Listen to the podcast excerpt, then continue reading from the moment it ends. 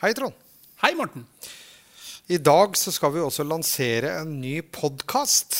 Det har jo kommet veldig mange podkaster. Det har blitt populært med podkaster. Og vi skal lansere i dag en ny podkast som vi har kalt, valgt å kalle for Eventpodden. Som vi skal prøve å sende litt og lage litt i, uten bilde. Men akkurat i dag har vi med oss litt bilde på det. Men vi skal uh, lage den med litt ujevne mellomrom framover.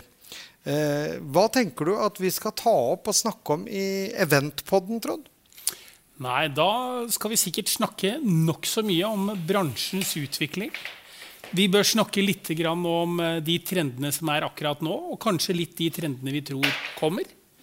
Eh, jeg håper at vi også skal reflektere litt over litt morsomme historier og anekdoter som jeg har vært eh, med på gjennom et langt og erfaringsrikt liv i denne bransjen. Vi er vel noen av de som Altså, vi er menn som pusher 50. Ja da, i hvert fall du. Ja, du gjør vel det i år, du òg, så ja, det er ikke så langt unna. du pusher det, du òg. Det er sant, det. det, er sant, det. Eh, ja, hvordan eh, ser vi på bransjen nå? Hvordan, hvordan, tenker vi eventbransjen kommer til å klare seg gjennom denne vel, vanvittig spesielle situasjonen vi er i knyttet til koronakrisen? Ja, det er Altså, hadde man visst det, så hadde man da tror jeg man, eh, Det hadde jeg likt, for å si det sånn. Eh, personlig så tror jeg at det, er, det, blir en tøff tid. Jeg tror det kommer til å gjøre, forandre bransjen vår totalt. Eh, jeg skal ikke drive noe dommedagsprofeti og si at, å, at bransjen kommer til å viske seg ut. Det tror jeg ikke noe på. Jeg tror at i den tiden vi er inne med eh, karantenebestemmelser og slike ting, så tror jeg det er vanskelig for oss å drive vår profesjon. Men jeg tror at det kommer til å være et godt Klondyke når karantenebestemmelsene og vi igjen får lov til å treffes og sosialiseres, hvor vi kan kombinere business og sosialt. Den tiden kommer, og den tiden tror jeg blir veldig bra for vår bransje. Mm. Hvor lang tid uh, tenker vi at det kommer til å ta? Hvis jeg skal si her, Ingen vet hvordan denne sykdommen kommer til å utvikle seg. Det har litt med vaksiner og, og de tingene å gjøre også. Men eh, jeg håper på at vi i løpet av høsten skal få lov til å sette i gang. Jeg er redd for at vi må gå inn i 2021. Det varer gjennom hele året, ja. Hvordan eh, skal vi si eh, at Sjette sans kommer til å klare seg gjennom dette? her da? Sjette sans kommer, har klart seg i 17 år. Vi har vært igjennom tøffe tider før. Og vi kommer til å Vi står trygt oppi det hele. Vi har fantastisk gode kollegaer. Eh, vi har en ledelse av både Sjette sans Event, Sjette sans Travel og ikke minst konsernsjefen eh, som gjør at vi står bedre rustet enn vi gjorde forrige gang det var en større krise, finanskrisen, hvor det bare var deg og meg, Morten, eh, og masse andre som var med på laget. Men eh, nå står vi bedre rusta, og vi har også en, en, trygg basis i kapital som gjør at vi er godt rustet for å, å tåle å være gjennom denne tida i, i da helt opp til kanskje et år. Mm. Konsernsjef høres ut som et stort selskap. Ja, Vi er i hvert fall blitt veldig mye større enn den gangen vi satt i Oscars gate på hagemøbler. Eh, ja. Men det er jo kundene våre som styrer egentlig hvor store vi er til enhver tid. Mm. Det jeg har tenkt litt på, da, det er at uh, det er en del som spår at vi får noen kortsiktige effekter mm. av den pandemien vi er inne i. Mm.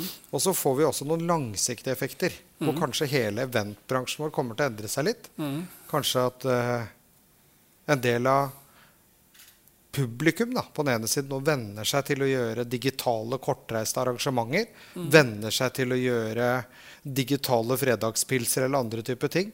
Eh, så vi, vi, ser jo kanskje et bilde at en del ting kommer til å endre seg, samtidig som vi har en hypotese på at folk kommer til å lengte etter det å møte hverandre igjen fysisk mm. når denne krisen går over. Mm. Det tror jeg du har helt rett i. Jeg, jeg, tror at uh, gjennom pandemien så har vi lært som du sier, å bruke Teams, Zoom, alle disse andre kanalene som fins for å kommunisere. Men eh, jeg tipper at jeg, som deg, opplever at det å sitte på Zoom, det å sitte på Teams, er også nokså slitsomt. Jeg har ofte reflektert nå om dagen at hva søren drev jeg med ellers? For jeg føler meg veldig mye mer sliten etter å sitte på de møtene Du må liksom på en annen måte jobbe deg gjennom det.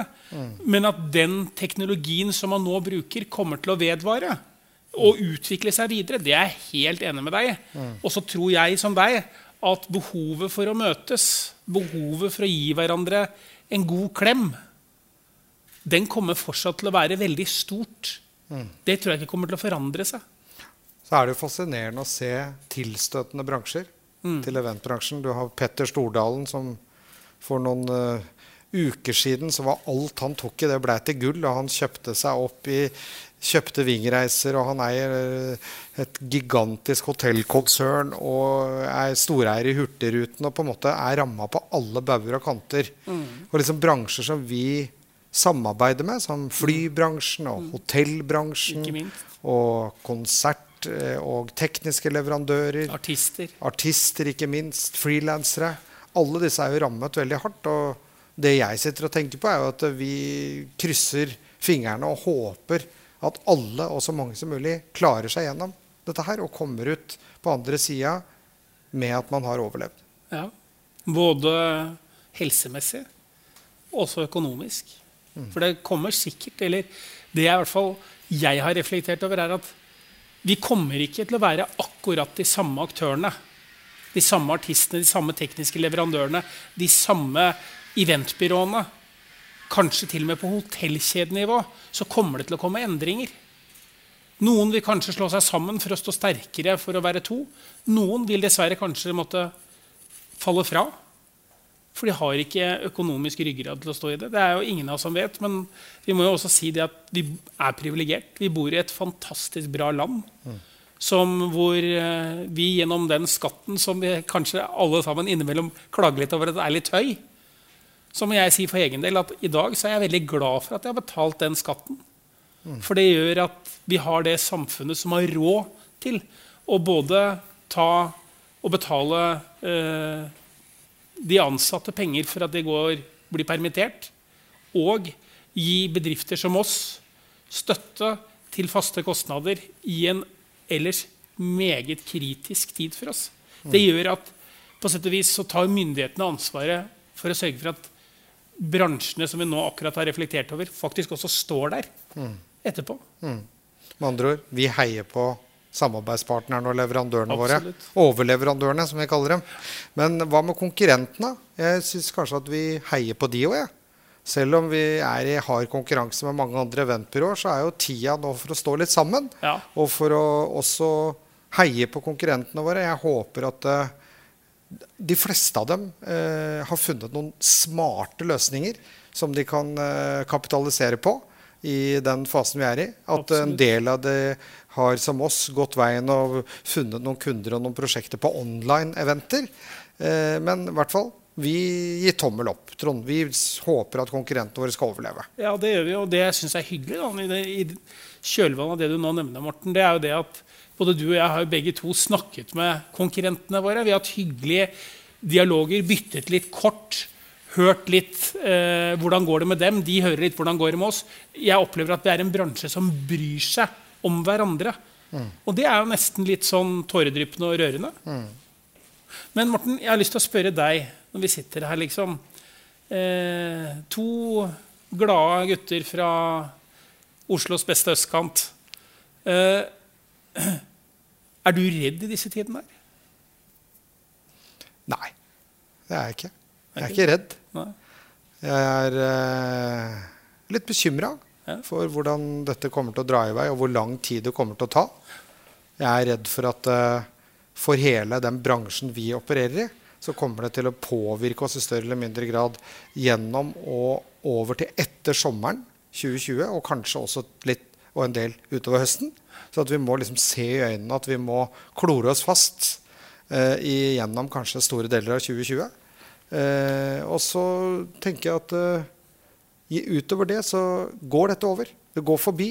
Mm. det er dessverre en del eldre som dør, og en del av de som er i utsatte grupper, som må passe seg veldig. Men eh, selv om jeg har diabetes, så tenker jeg at eh, dette skal vi klare, og dette skal vi få til. Nå er det krumme nakken, og så er det å egentlig kjøre på. Det er, eh, ja, Det er, en tid for, altså det er litt sånn tid for refleksjon. Man blir jo litt sånn, man merker at familien er, er det nærmeste. Vi alle sammen, eller i hvert fall mange av oss, da, har jo familie.